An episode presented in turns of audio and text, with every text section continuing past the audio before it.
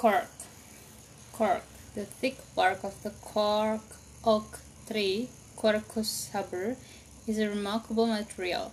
It is tough, elastic, buoyant, and fire resistant, and suitable for a wide range of purposes.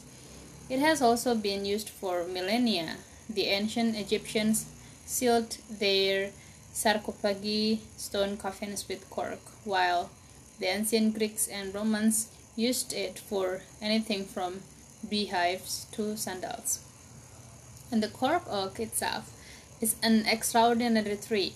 Its bark grows up to 20 centimeters in thickness, encircling the tree like a coat wrapped around the trunk and branches and keeping the inside at a constant 20 degree Celsius oil all year round developed most probably as a defense against forest fires.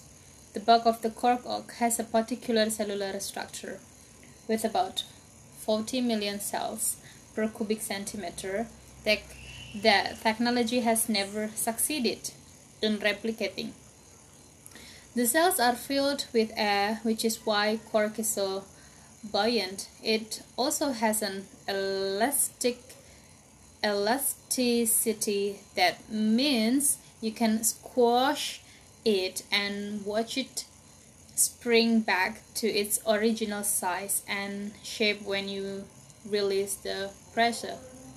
Cork oaks grow in a number of Mediterranean countries, including Portugal, Spain, Italy, Greece, and Morocco.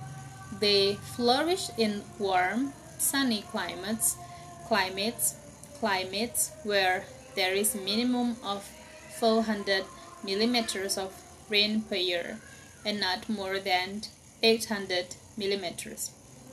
Like grapevines, the trees thrive in poor soil, putting down deep roots in search of moisture and nutrients. Southern Portugal's Alentejo region meets all of these requirements which explains why, by the early 20th century, this region had become the world's largest producer of cork and why today it accounts for roughly half of all cork production around the world. Most cork forests are family owned. Many of these family businesses, and indeed many of the trees themselves, are around 200 years old. Cork production is, above all, an unexercised impatience. From the planting of a cork sapling to the first harvest takes 25 years and a gap and a gap of approximately a decade must separate harvest from an individual tree. And for top quality cork, it's necessary to wait a further 15 or 20 years. You can even have to wait for the right kind of summer's day to harvest cork. If the bark is stripped on day when it's too cold or when the air is damp, the tree will be damaged. Cork harvesting is a very specialized profession. No mechanical means of stripping cork bark has been invented, so the job is done by, the, by teams of highly skilled workers. First, they make vertical cuts down the bark using small sharp axes. Then lever it away in pieces as large as they can manage. The most skillful cork strippers prise away a semi-circular husk that runs the length of the trunk from just above above ground level to the first branches.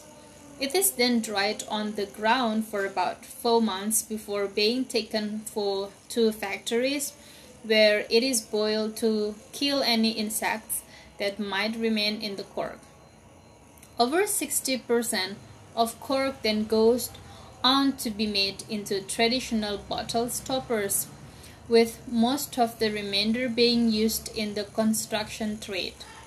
Corkboard and cork tiles are ideal for thermal and acoustic insulation, while granules of cork are used in the manufacture of concrete.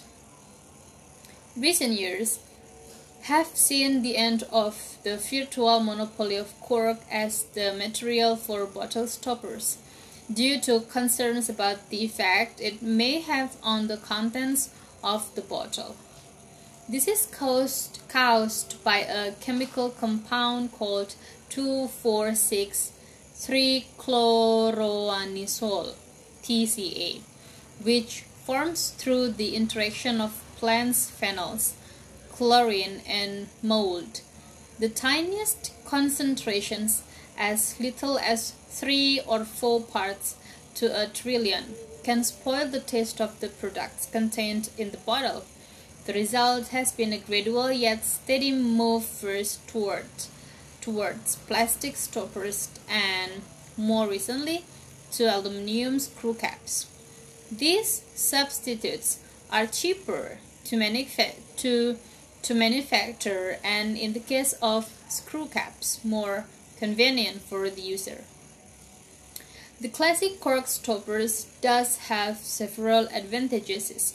However, firstly, its traditional image is more in keeping with that on the type of high quality goods with which it has long been associated.